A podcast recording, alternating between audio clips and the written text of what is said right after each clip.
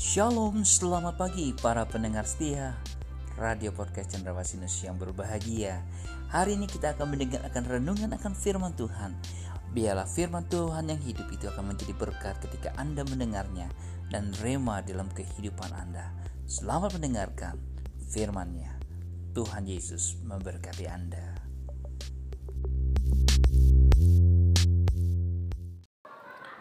Salam, selamat pagi Bapak Ibu Saudara yang dikasih oleh Tuhan. Apa kabarnya pagi hari ini? Doa saya Anda dalam keadaan sehat, kuat, dan tentunya tetap bersemangat. Kembali saya Pendeta Samuel akan sharing kebenaran firman Tuhan pagi hari ini.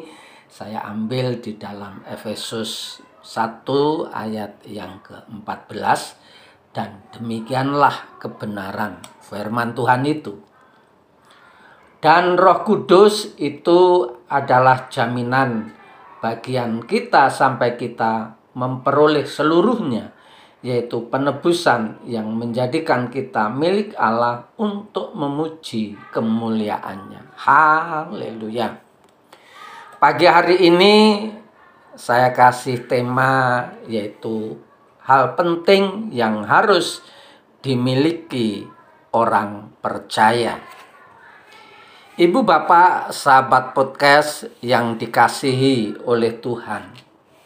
Hal yang membedakan kita dengan orang-orang lain atau orang-orang yang tidak percaya kepada Tuhan bukanlah terletak dari keaktifan kita dalam kegiatan gereja giat dalam pelayanan, banyak memberi persembahan, dan bahkan memberikan perpuluhan, serta aktif di dalam kegiatan-kegiatan rohani Kristen lainnya.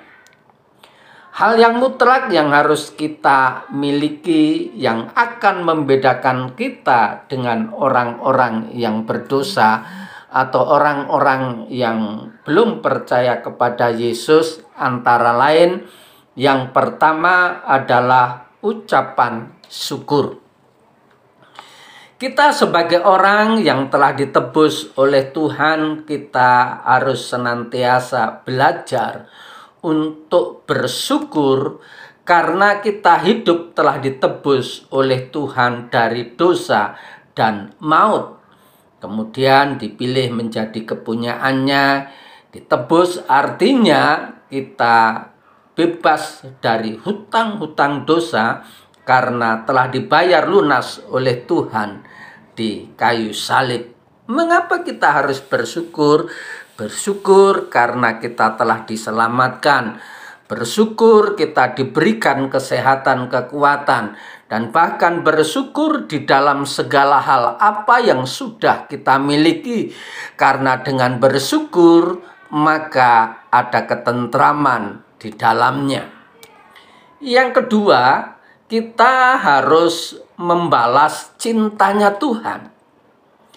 Yang membedakan yang kedua kita dengan orang yang uh, berdosa adalah semangat untuk membalas cintanya Tuhan.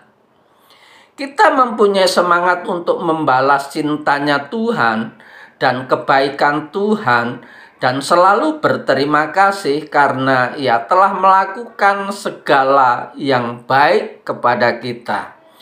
Oleh karena itu, mari kita senantiasa membalas cintanya Tuhan dengan hidup benar, hidup kudus, hidup sesuai dengan kehendak Tuhan, membaca firman Tuhan, berdoa dan melakukan kebenaran firman Tuhan di dalam kehidupan kita agar supaya kehidupan kita itu semakin hari semakin serupa dengan Kristus. Yang ketiga, adalah kita harus berani bertanding dalam iman. Setiap orang percaya harus mempunyai keberanian untuk memperjuangkan iman dan segala persoalan dihadapi adalah bagian dari pertandingan itu. Sebagai orang yang telah percaya kepada Yesus, tidak lepas dari persoalan dan tantangan hidup.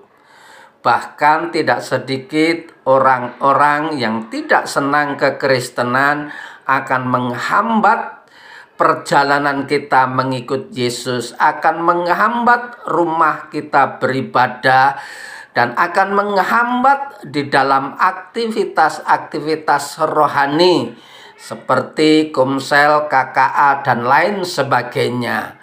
Tetapkah kita mempertahankan iman atau kalah? Oleh karena itu, mari kita bersama-sama setiap orang yang mempunyai keberanian dalam pertandingan iman akan selalu menatap ke depan dan tidak menengok ke belakang lagi tetap bersuka cita dan segala perkara serta membuat kita dapat menempatkan kehendak Allah di atas segala galanya.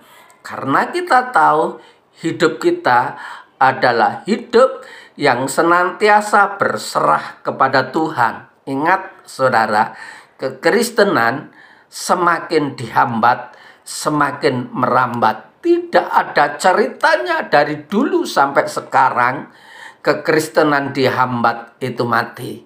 Namun dengan penghambatan itu iman kita bertumbuh dan kita menjadi umat pemenang. Yesus telah mengorbankan dirinya untuk menebus dan menguduskan saya dan saudara.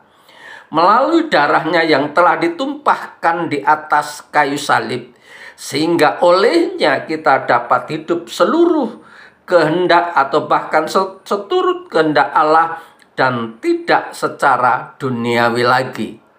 Selamat beraktivitas. Tuhan Yesus memberkati.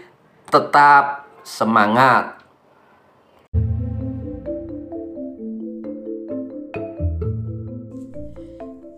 Sampai jumpa esok hari.